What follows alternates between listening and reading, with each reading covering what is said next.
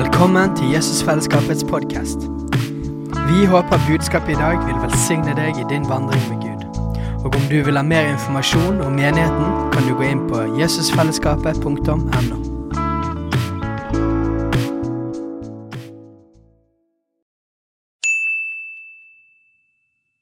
Hei! Visste du at Jesusfellesskapet starter en ny bibelskole til høsten? Den heter Jesusskolen og starter den 3. september. Gå inn på jesusskolen.no for mer informasjon. Vi er lys og salt i denne verden, og det, det, det er ikke Det er ikke sånn at vi skal prøve å være lys. Vi er lys. Er ikke det litt forskjell på det? Det betyr at vi er lys selv om vi ikke føler at vi er lys, eller tenker at vi er veldig flinke å lyse. Sånn. Vi er lys. Det er helt umulig hvis, det er helt umulig å ikke være det hvis Jesus bor i oss. Så betyr det at atmosfæren rundt oss er endret. Sånn er det bare. Og det preger verden, og folk merker det mer enn vi tror. ikke det oppmuntrende? Så alt Gud kaller oss til, og det passer for så vidt med det vi skal snakke om, men alt Gud kaller oss til, det er alltid ut fra den, de vi er. Det er ut fra det han allerede har gjort. Det er ut fra det han allerede har gjort i oss. Han kaller oss aldri til noe som vi skal bare prøve å få til i egen kraft. Vær det du er. Vit hvem du er. Halleluja. Skal, jeg skal fortsette å forkynne om Jesus i dag. Er ikke det bra?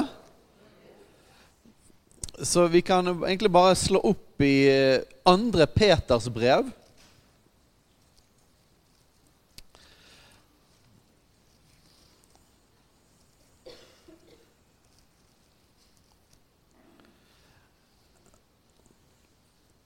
Disse versene hoppet bare plutselig til meg når jeg ikke fikk sove. Klokken halv fire forleden natt.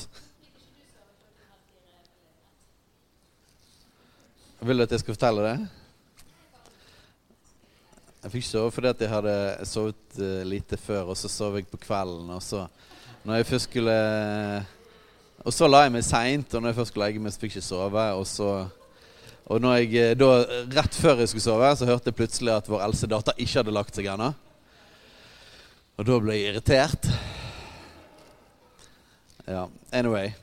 Ja, Og så drev jeg og følte på den der For om natten og alt er stille og sånne ting, da plutselig begynner jeg å kjenne på den der fingeren min så jeg har kuttet av litt av tuppen.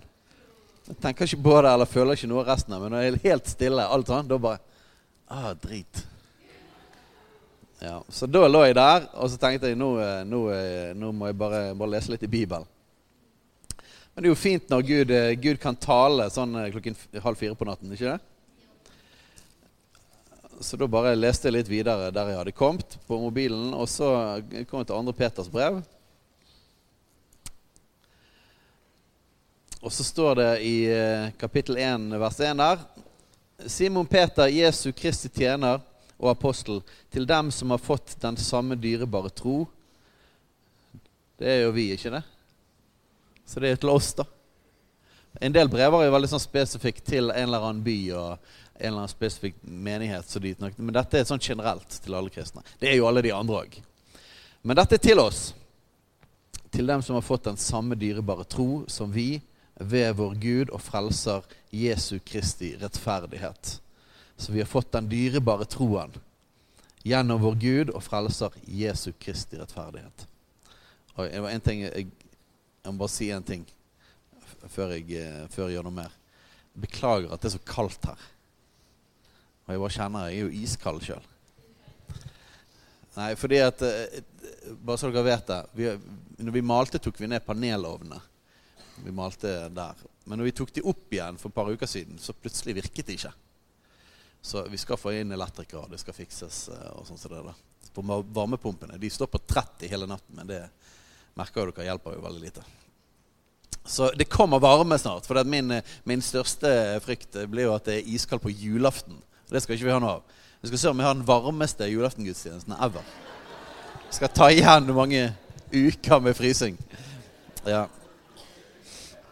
Det var et løfte.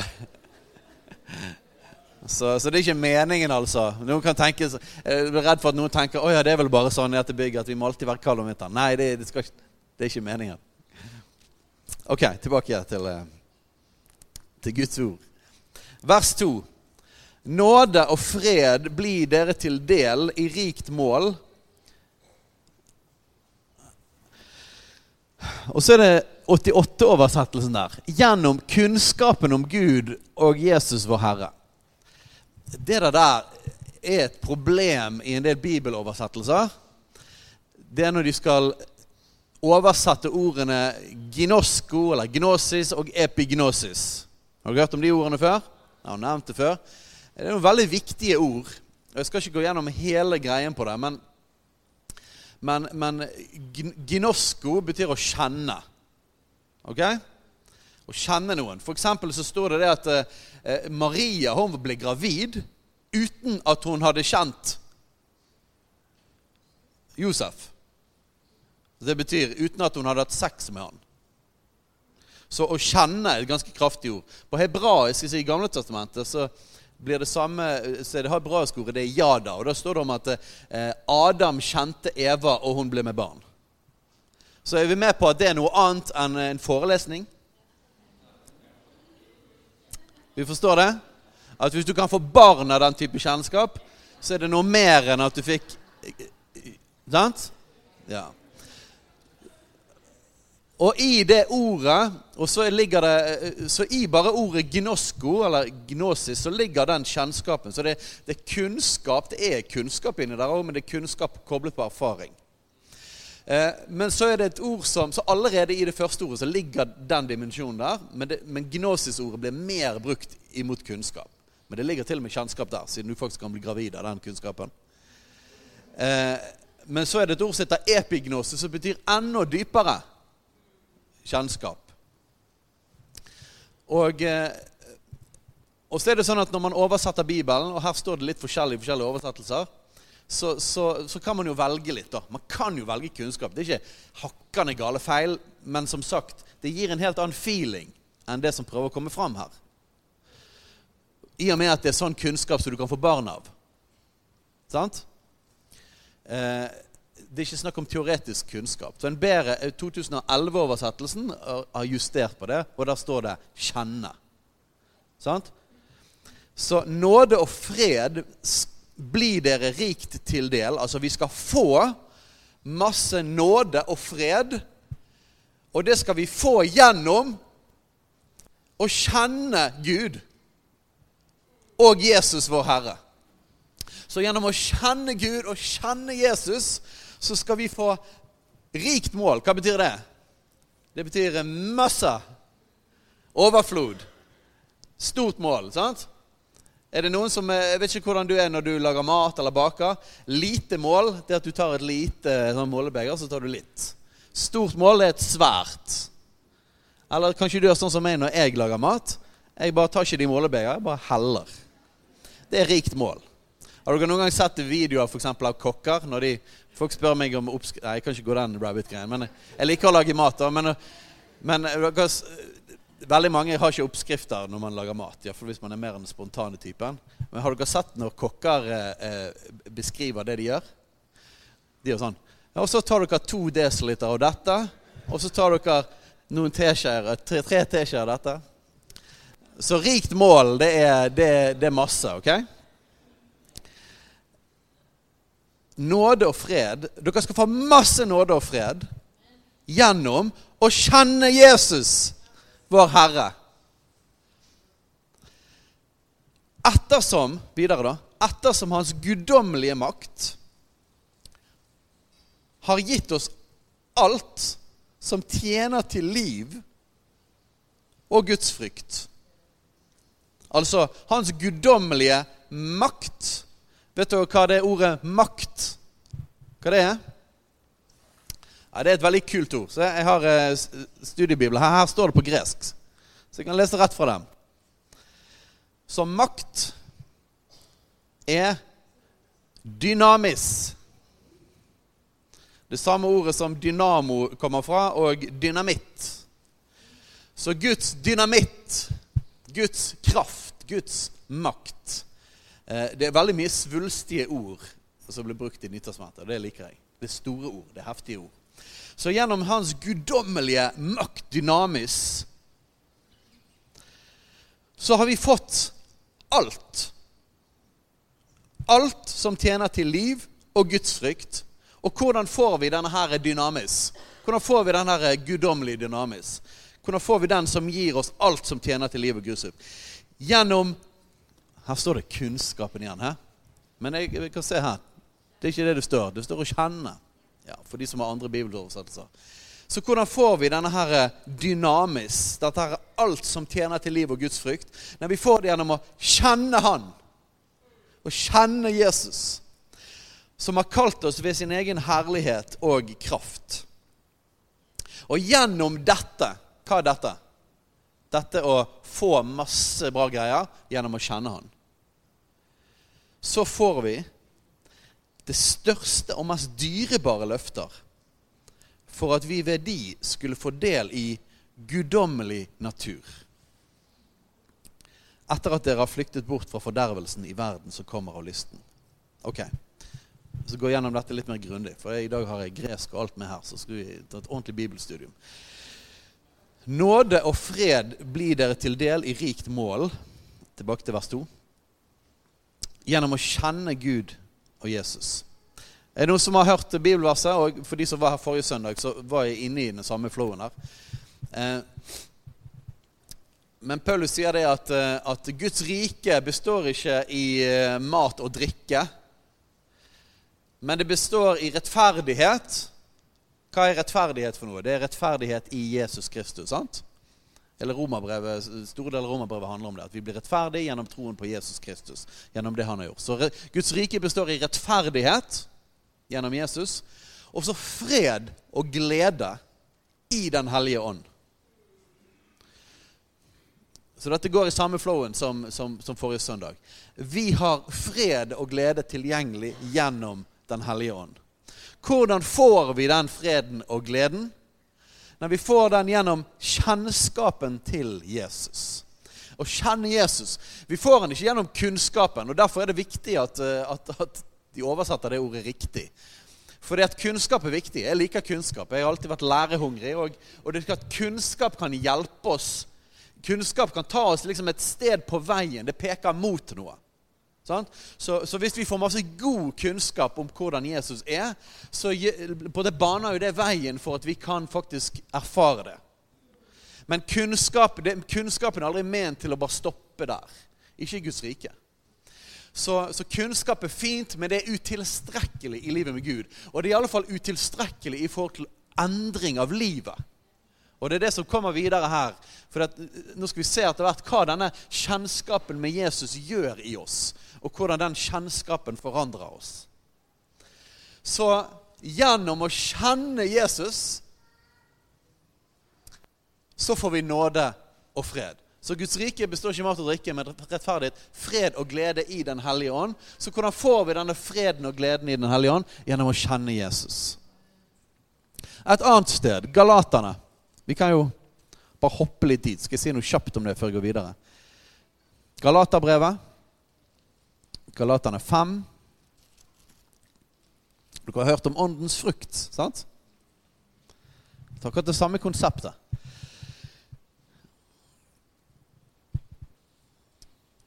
Galaterne 5,22. Men åndens frukt er kjærlighet, glede, fred, langmodighet, mildhet, godhet, trofasthet, sankmodighet og avholdenhet. Og I Peters brev skal, skal, vi skal gå gjennom en, en, sånn liste som står der, og som minner veldig om den listen. Men jeg vil bare ta de første her. Så åndens frukt er kjærlighet, glede og fred. Jeg får lyst til å snakke om kjærlighetsbiten òg, men det er en egen preken. For Guds kjærlighet får vi på samme. Guds kjærlighet er utøst i våre hjerter ved Den hellige ånd som er oss gitt. Så vi får, vi får, tak i Guds kjærlighet. Så står det i Feserbrev står det om, står det om eh, å kjenne Kristi kjærlighet som overgår all kunnskap. Så det er akkurat samme konseptet med kjærlighet. Men jeg, men jeg skal fokusere hovedsakelig på nåde og fred her, for det var det som sto i Peters brev. Så, men åndens frukt er kjærlighet, glede og fred og langmodighet. Så det betyr at denne her er rettferdighet, fred og glede i Den hellige ånd. Og kjærlighet, glede og fred osv. Og, og nåde og fred. Alt dette kommer gjennom å kjenne Jesus. Er ikke det? Bare en lite poeng om åndens frukt som slo meg for noen år siden. Hvis det er åndens frukt, så betyr det at det er sånn som ånden er. ikke Så det at åndens frukter betyr det at sånn som ånden er, sånn det kommer ut av Han. Så når, hvordan ser det ut når vi skal få åndens, når åndens frukter kommer ut av oss? Ofte tenker vi om åndens frukter at det er litt sånn her At det er ting som vi skal gjøre.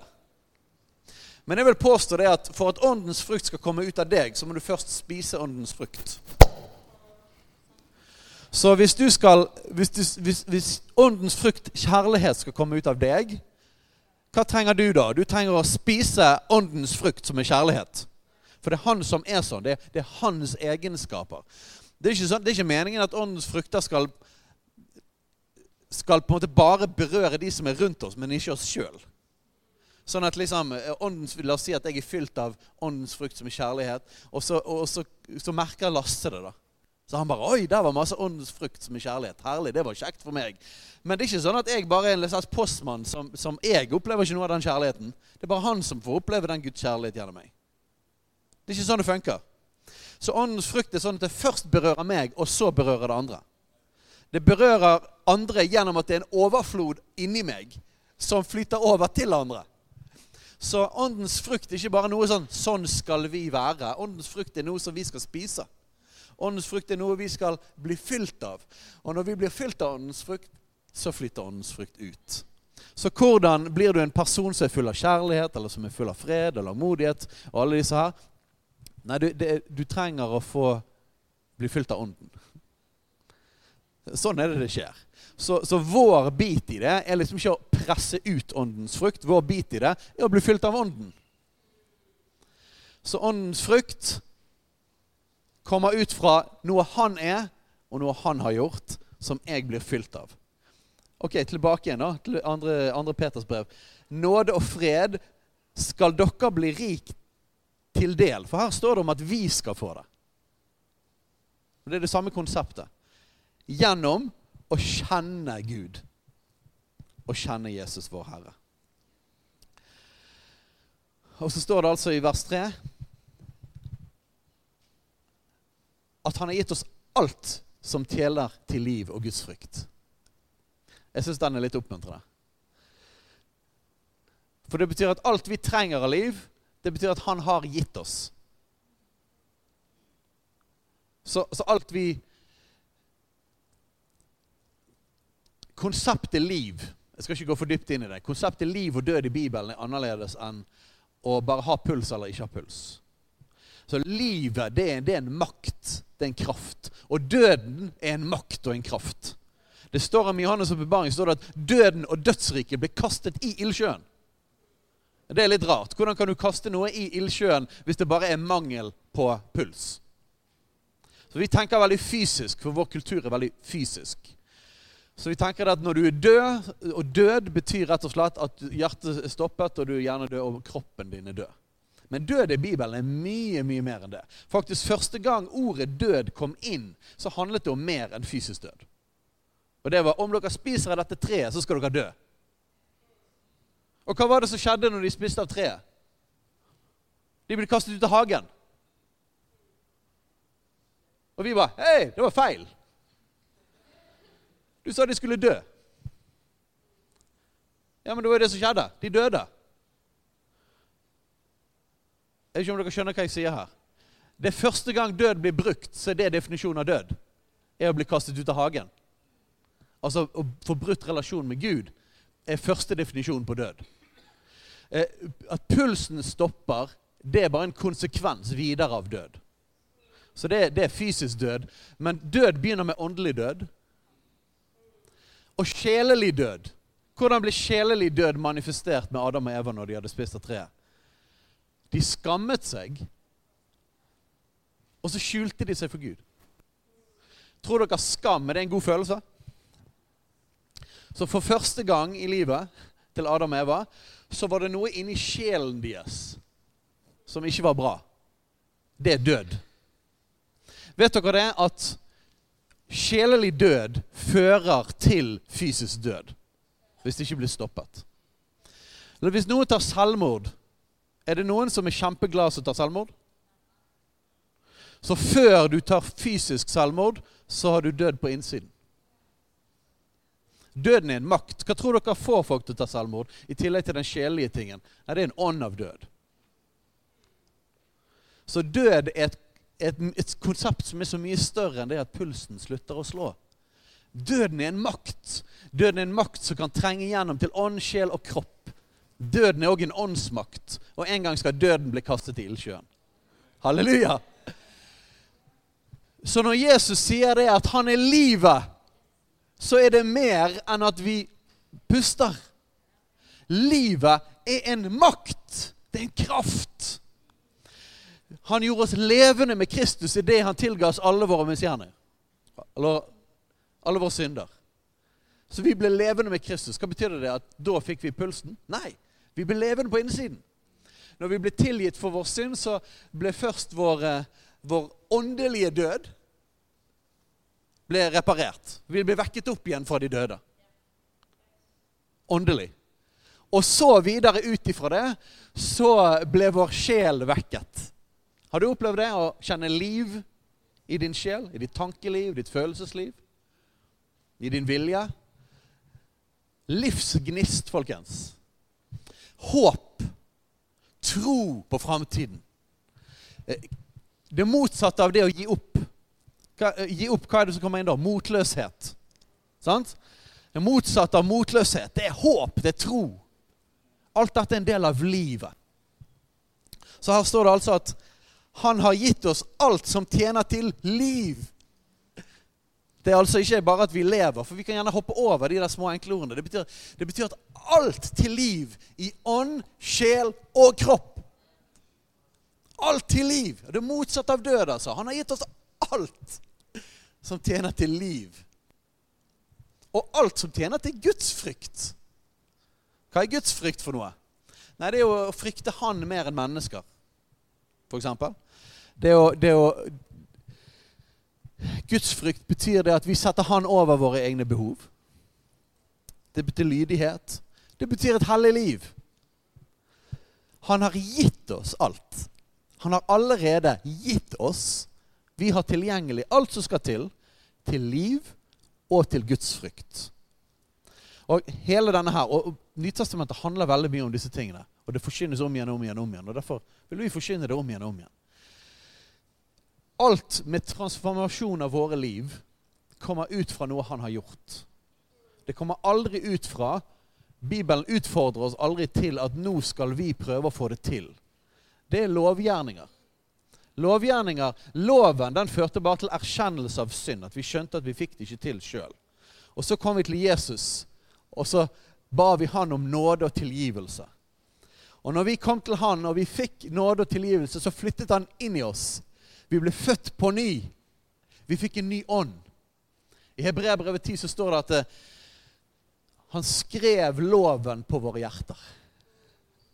Så vi fikk en hjertetransplantasjon. Vi ble til en ny skapning. Et nytt menneske. I Romane 6 så står det om at vi ble begravet med Kristus og oppreist med Kristus. Så vi sto opp med Han. Vi ble et nytt menneske. Så vi har fått alt. Vi har fått alt som tjener til liv og gudsfrykt. Vi har allerede fått det. Det er allerede der. Men hvordan er det vi får tak i det. Hvordan er det dette her funker? Nei, det funker gjennom kjennskapen til Han. Det funker gjennom relasjonen til Han. Så det er der tilgjengelig, han har allerede gjort det, men måten det, får, måten det virker på oss, det er i relasjon til Han. Og dette vet vi jo veldig godt, gjør ikke vi det? Er det noen som har opplevd noen gang at ved Hans godhet så har Han bare dratt deg inn til seg? Og så får du være i hans nærvær og nær til han.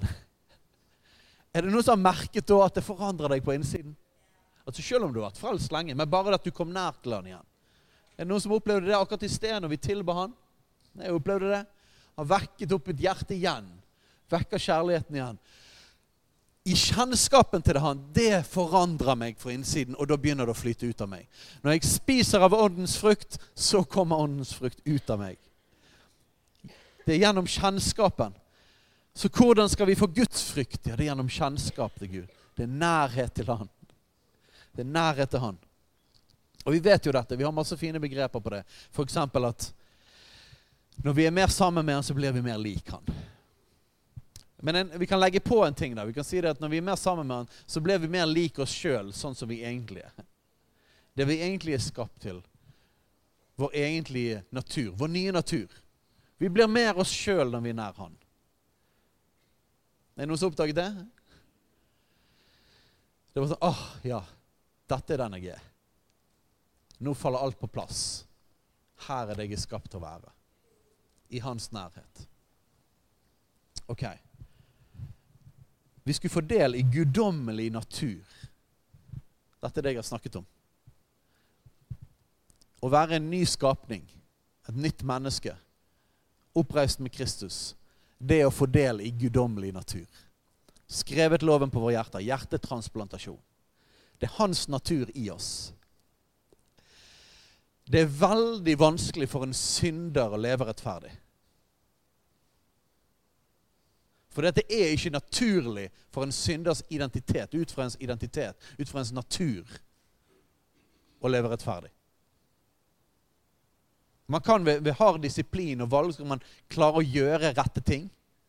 Men det vil ikke flyte ut naturlig. Så en synder vil ikke kunne leve rettferdig noe særlig lett. Ingen klarer å leve 100% rettferdig. Men man kan gjøre noen gode ting. sant? Mens en, for en som har fått guddommelig natur, så er det litt lettere, ikke det?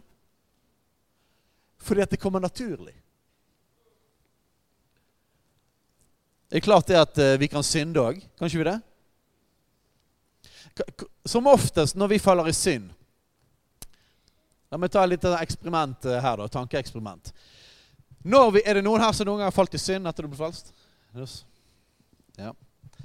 Først Johannes brev sier det at hvis vi sier at vi ikke har synd, så lyver vi. Så det er synd i seg sjøl. For husk det at bare én negativ tanke om deg sjøl er synd én bekymringstanke er synd. Ok? ok, Så vi kan konkludere med det at vi alle har syndet, til og med etter vi ble frelst. Men la oss gjøre et lite tankeeksperiment. da. Når du syndet, enten det var i tanker, ord eller gjerninger, var det mens du var sammen med Jesus? Var det mens du talte i tunger og lovpriste Han? og og leste det, altså Klart det er mulig, jeg skal ikke si at det aldri har skjedd. Men det var som oftest ikke rett etterpå heller. var det? Jeg har en mistanke om at uh, som oftest så var det litt sånn i distanse til at du hadde virkelig vært inntil nær hans hjerte.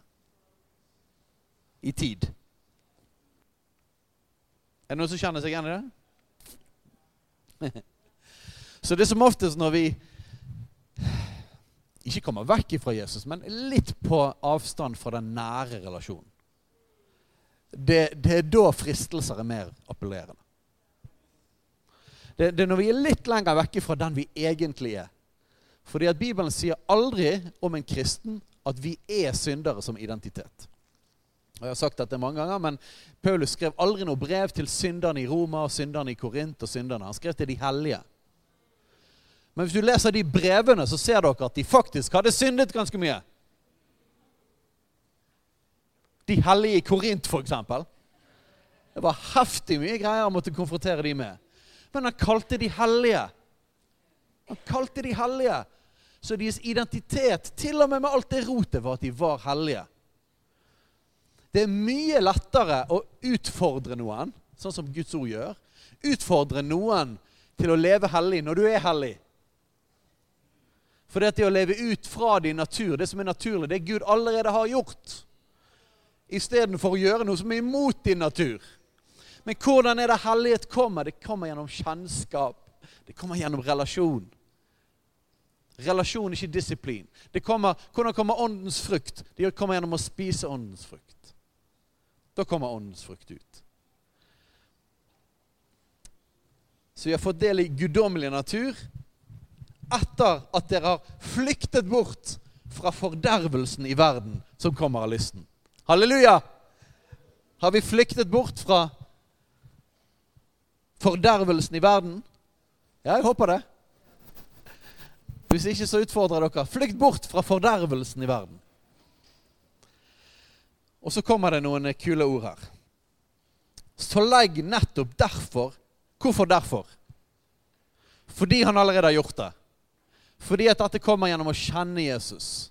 Fordi at vi allerede har fått guddommelig natur. Fordi at dette, dette er naturlig for oss. Så, så, utfordrer Peter oss her, siden han har gjort alt dette, siden alt dette er tilgjengelig, siden vi er blitt nye, så, så la, oss, la, oss, være bevisste nå på å leve ut fra vår nye natur. Legg derfor vind på, fokuser på, at dere i troen viser dyd. Dyd det er et gammeldags ord, ikke det? Så nå har jeg det på gresk her. Dyd, arete, det betyr ypperlighet, mot og moralsk godhet. Så legg vind på at i troen så viser vi ypperlighet, mot og moralsk godhet. Hvordan kan Peter utfordre oss til å vise dyd? Det er fordi at vi allerede har en ny natur. Så vi trenger bare litt sånn eh, oppmuntring. Oppmuntring gjennom Guds ord. At, Hei, folkens. La oss leve sånn. For det er naturlig for oss. For alle som er født på ny, de syns jo at disse tingene er bra. Det er en av testene på om man er født på ny, om et ny, ny skapning. Det er om man, om man, ønsker om man ønsker å leve til ære for Gud. Så hvis du i ditt hjerte ønsker oppriktig å leve til ære for Gud, da er du født på ny. Hvis du ikke har lyst til, og du er imot alt han sier Du sier nei til alt som han sier er bra. Da er det ikke sikkert du er født på ny. Men du kan være født på ny, så kan du bli fristet i, i, i, på, på, punkter, og så kan du falle. Men det vil være mot din natur. Og, og, og tegnet på det at, at, eh, du er født på ny, er det at Den hellige ånd som er på innsiden av deg, han sier fra. Og han utfordrer deg til å bekjenne din synd for Jesus, sånn at du kan leve videre i nåde. Sant? Sånn er det å være født på ny. Så det er med vår natur. Så legg vind på at dere viser, i troen viser dyd, og i dyden skjønnsomhet. Det var et rart ord. Ja, den kommer etter hvert. du skjønner. Skjønnsomhet. Der står det faktisk gnosis. Det er altså kunnskap om Gud og det guddommelige, og her i settingen noe som gjør at man vet å forholde seg rett i en bestemt situasjon. Så her er det altså kunnskap om hvem Gud er, og hvordan det er. Så la oss vise skjønnsomhet. La oss vite hva som er rett og galt. Sant? Så her er det et kunnskapselement inne. La oss vite hva som er rett og galt. Det kan jo være et poeng. For eksempel så har vi meg Alf Kåre har podkasten Kulturkrigen. For å opplyse folk i konteksten av, av, vår kultur og det som skjer nå, så, har, så, ønsker vi å opplyse folk mer om fak, hva faktisk Bibelen sier om hva som er rett og galt. Og hva faktisk en bibelsk kristen måte å tenke på. For en del ganger så er det ikke det at vårt hjerte ønsker å gjøre mot Guds vilje. Vi er bare påvirket av verden, og vi vet ikke alltid. Vi har ikke tenkt gjennom det. Så, legge, så den podkasten er for å legge vekt på skjønnsomhet. Gnosis, kunnskap om hva som er rett og galt. Men kunnskap i seg sjøl er ikke hjertetransformerende. Men hvis hjertet allerede er forandret, så kan kunnskap hjelpe oss. Er vi inne på den? Så i dyden skjønnsomhet. Og i skjønnsomheten avhold. Avhold. Det er ikke et veldig populært ord, er det det? Avholdenhet vil ikke bare si at vi avstår fra visse ting. Det innebærer også en klok disponering, dette er altså ordet på gresk, da, slik at man ikke overdriver eller skjærer ut på noen måte. Den avholdende vil alltid være i balanse. Han mister ikke kontrollen over seg selv, og ingenting skal få makten over en. Ok? Så avholdenhet handler om å ikke bli for ekstrem i den ene eller andre veien. Eh, og det er jo ofte snakk om ja, vi, vi, tenker ofte på alkohol eller rusmidler, men uh, klart at avhengighet, som er det motsatte av avholdenhet uh, Det kan jo være på masse forskjellige ting. Denne her, f.eks. Jeg tipper dette er det mest avhengighetsskapende vi har i vår kultur. Tror du ikke det? Spesielt de her uh, flippingen, den derre små videoene. Som TikTok var de som liksom pionerte fram, og nå alle har som skal flippe og flippe og flippe. Og algoritmen den er skapt for å holde deg borte fra dette her eh, ordet avholdenhet. Sant? Så at vi ikke mister kontrollen over oss sjøl. Så her utfordrer oss. Men husk dette at vi har fått ny natur. Så dette kommer naturlig for oss. Vi trenger bare litt eh, oppmuntring. Og i avholdenheten tålmodighet Tålmodighet. Det er masse sånne utfordrende ord, dette. Hva er tålmodighet for noe? Det er å tåle noe lenge. Det betyr å vente. Det betyr at vi tåler prøvelser og vanskeligheter under ventetiden. Barn de er ofte ikke kommet veldig langt på dette. Så dette er noe vi lærer gjennom. Hvordan, vet dere hvordan man får utholdenhet? Dette er min personlige erfaring. Tålmodighet, og utholdenhet, det er det samme.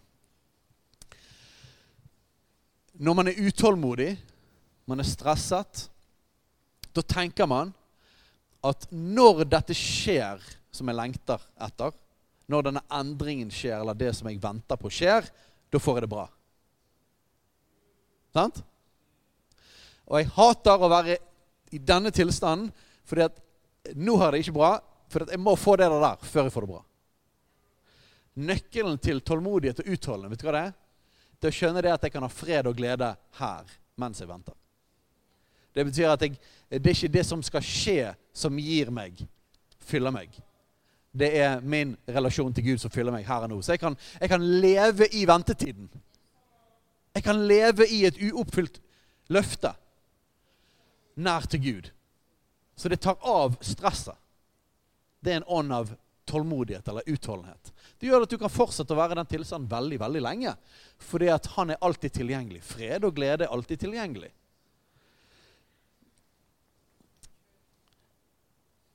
I tålmodigheten Guds frykt. Hva er Guds frykt? Å gjøre hans vilje. Å frykte han mer enn et ønske om nytelse og behagelighet.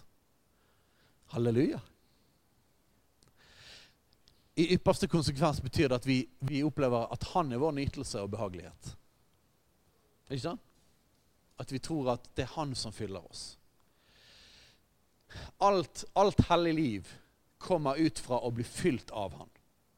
Det betyr at alle behovene våre de er legitime, men vi får de fylt av han istedenfor å bli fylt av andre ting. Eller tenke at vi skal få de fylt av andre ting.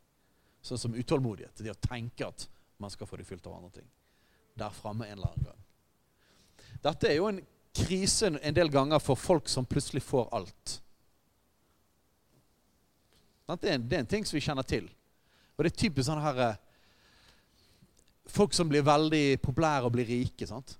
Blir en filmstjerne. Kanskje de var fattige, sant? og så plutselig slår de gjennom som en eller annen artist. For eksempel. og så plutselig så får de alt. Alt de hadde på listen som de tenkte de trengte for å bli glad. Så plutselig så får de alt sammen. Og det er en eksistensiell krise for et menneske å plutselig få alt, og så oppdage at det ikke funket. Sant? Det er jo kjempekrise.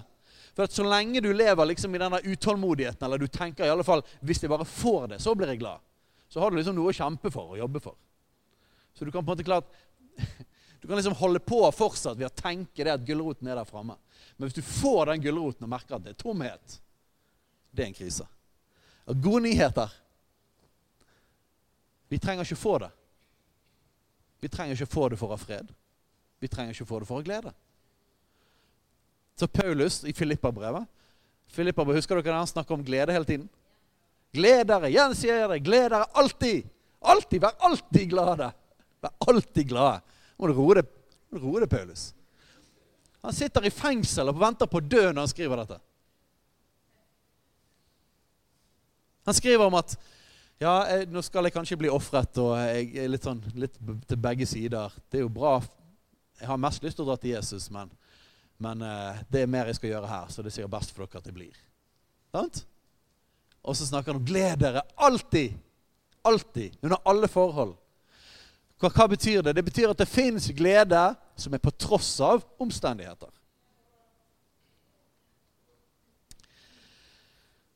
Gudsfrykt. Nummer seks. Jeg har jo ikke sagt nummeren til dere før, da, men de står her. I mine notater. I tålmodigheten gudsfrykt, og i gudsfrykten broderkjærlighet. Det er litt morsomt, det ordet på gresk. Vet dere hva det er for noe? Noen som kan det? Filio, ja. Men i denne formen så er det faktisk Philadelphia.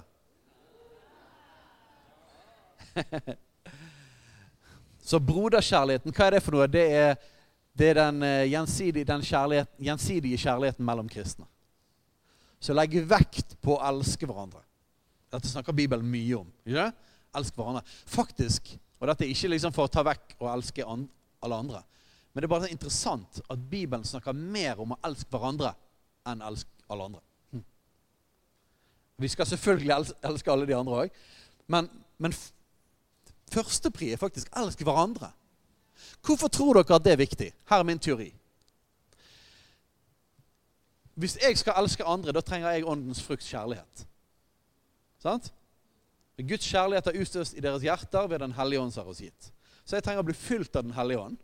Da kommer åndens frukt, kjærlighet, ut av meg. Så det betyr at eh, hvis andre folk rundt meg skal få smake kjærlighet, så må jeg bli fylt av kjærlighet. Ok, Så hvorfor legger Bibelen så vekt da på at vi skal elske hverandre? For hvis verden skal erfare Guds kjærlighet, da må du flyte ut av legemet. Vi kan ikke hoppe over kroppen. Sant? På samme måte som jeg ikke kan elske deg uten å bli fylt av Guds kjærlighet, så kan ikke vi prege verden med Guds kjærlighet hvis ikke vi elsker hverandre. Vi må være det vi skal gi. Vi må bli fylt av det vi skal gi. Så vi må demonstrere det. Vi trenger å være et fellesskap som faktisk elsker hverandre. Og når vi gjør det, så blir folk berørt. Og vi har hørt, og det er jo fantastisk. Kjære menighet. Både dere som er her nå, og vi som ikke er her nå. Vi har opplevd masse folk de siste årene som har kommet i berøring med oss, på et møte eller forskjellige settinger eller grupper, og sånn og sånn, og så vitner de om det. At de opplever seg så elsket og sett. Halleluja! Da funker det litt, da. Sant? Med det å bli først fylt av Guds kjærlighet, og så smitter det rundt. Men du skal først altså smitte til våre brødre og søstre. Så ikke la oss La oss, la oss, ikke tenke sånn at nei, jeg, har liksom bare et visst mål av kjærlighet, så jeg bør liksom gi det til de ufrelste, og driter i de kristne. Det er ikke sånn det funker. På samme måte som at kjærlighet til andre skal komme ut av overflod i meg, så skal kjærligheten til verden komme ut av en overflod av kjærlighet iblant oss. Det skal flyte over ut av Guds menighet. For vi er ikke noe godt vitnesbyrd om Guds kjærlighet hvis ikke vi elsker hverandre. Er vi det? Så i gudsfrykten broderkjærlighet. Philadelphia. Og i broderkjærligheten kjærlighet til alle. Ser dere det? Det er, en, det er en sammenheng der. Kjærlighet innad, og så kjærlighet til alle. Og der står det altså agape, som er den kjærligheten som legger ned sitt liv. Den uforbeholdne, selvoppofrende kjærligheten. Fordi at med brødrene og søstrene så kan vi faktisk forvente litt tilbake. Det kan være vi må gi litt agape til brødre og søstre òg. Men, men, vi tenker det at litt som i et ekteskap, så det er basert på den selvoppofrende kjærligheten. Men vi har en viss forventning om at, om at det flyter litt begge veier. Sant? Det er et fellesskap av kjærlighet, så det flyter alle veier. Mens når det gjelder verden, så trenger vi ikke forvente noen ting tilbake. Da er det Du skal elske til og med de som hater deg. Halleluja! Men da hjelper det det at vi har noen som elsker hverandre, i alle fall som vi kan gå tilbake igjen til. Og selvfølgelig at vi kan bli fylt av kjærligheten fra Han. Men vi skal ha så mye av det iblant oss og i relasjon med Gud At det flyter over så mye at om verden hater oss, kan vi likevel elske. Halleluja. Vi er snart ferdig her. Klokken 13.00. Så det var den listen. Og så kommer vi til konklusjonen. For når disse ting finnes hos dere og får vokse, viser de at dere ikke er uvirksomme eller ufruktbare i søren heller. Ikke kunnskapen, kjennskapen. La meg ta det om igjen, da, når du vet at det står det samme der. Kjennskap. For når disse ting fins hos dere, hva da? Dyd og, og, avholdenhet og tålmodighet og gudsfrykt og broderkjærlighet og, og, og agape. Kjærlighet til alle de andre. Når de tingene fins hos oss, så viser det at vi ikke er uvirksomme eller ufruktbare i vår kjennskap til Gud. I å kjenne Jesus. Så dette er et tegn på at vi kjenner Jesus. Hvis ikke disse tingene er blant oss, så er det et tegn på at vi ikke kjenner Jesus så godt. For at alt dette kommer av å kjenne vår Herre Jesus Kristus. Og så en liten greie på slutten her om Men dere, den som ikke har disse ting, han er nærsynt og blind. Han har glemt renselsen fra sine gamle synder. Hva betyr det? Dette betyr vi elsker fordi For den elsket oss først. Så hvis ikke vi elsker, da har vi glemt at han elsket oss først. Det er det det betyr. Da er vi blitt nærsynt. Da har vi mistet perspektivet. Da er vi blitt blind. Skjønner vi ikke, og enda viktigere, har ikke vi erfart Lever ikke vi den konstante erfaringen av hva han allerede har gjort for oss? For hvis vi hadde gjort det hvis vi hadde husket renselsen fra våre gamle synder, så hadde det vekket kjærligheten i oss. For at han gjorde oss levende med Kristus idet han tilga oss alle våre overtredelser. Sant? For dette, det forløser liv, det forløser glede. Det, vi elsker for den elsket oss først når vi husker det han har gjort for oss. Derfor er nattverden så viktig. For i nattverden så minnes vi igjen det han har gjort. For alt hellig liv individuelt, men også som menighet. For dette her står om som menighet. Dere snakker han om. Alt dette kommer ut av det han har gjort, og det han har gjort i oss, at vi er blitt nye. Og alt er hangt på den knaggen igjen og igjen. At vi får det gjennom å kjenne Jesus. Å kjenne Jesus. Å kjenne Jesus. Ginosko, epignosis, Jesus. Amen. La oss reise oss opp.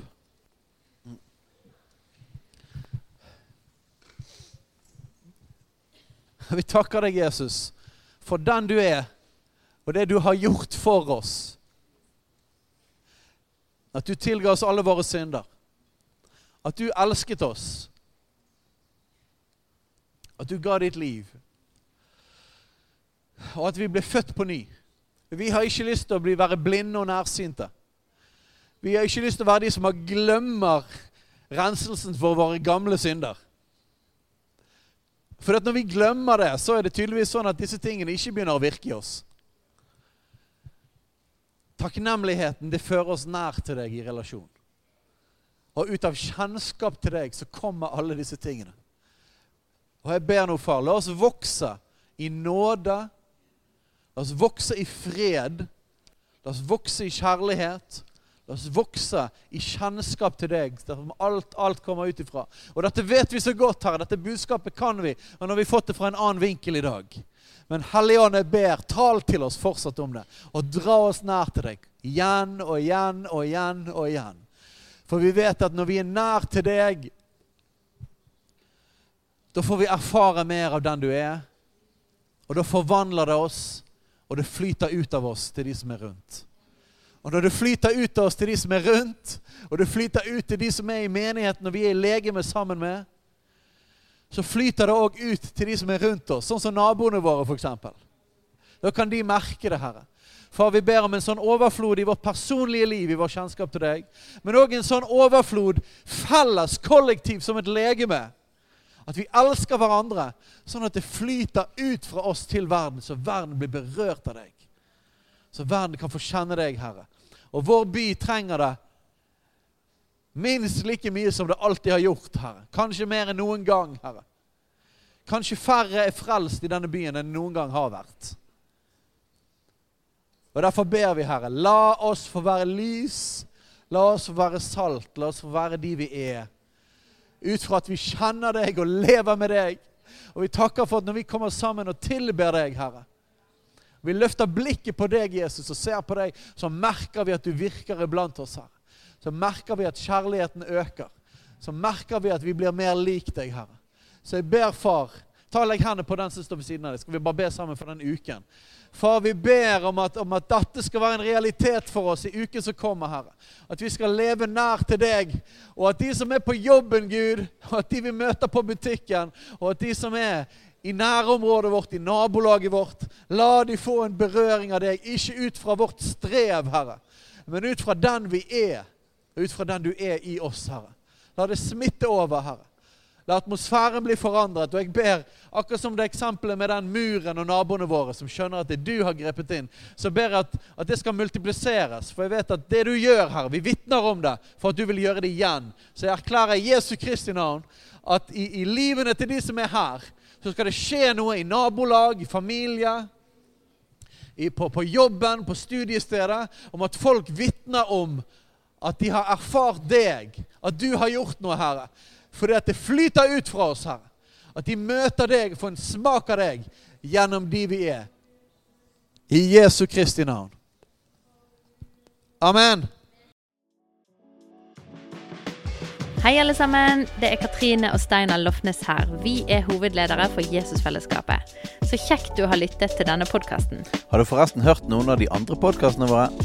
Ukens tale, Disippelskolen Hyrdepodden, Kulturkrigen og Mammas hjerte.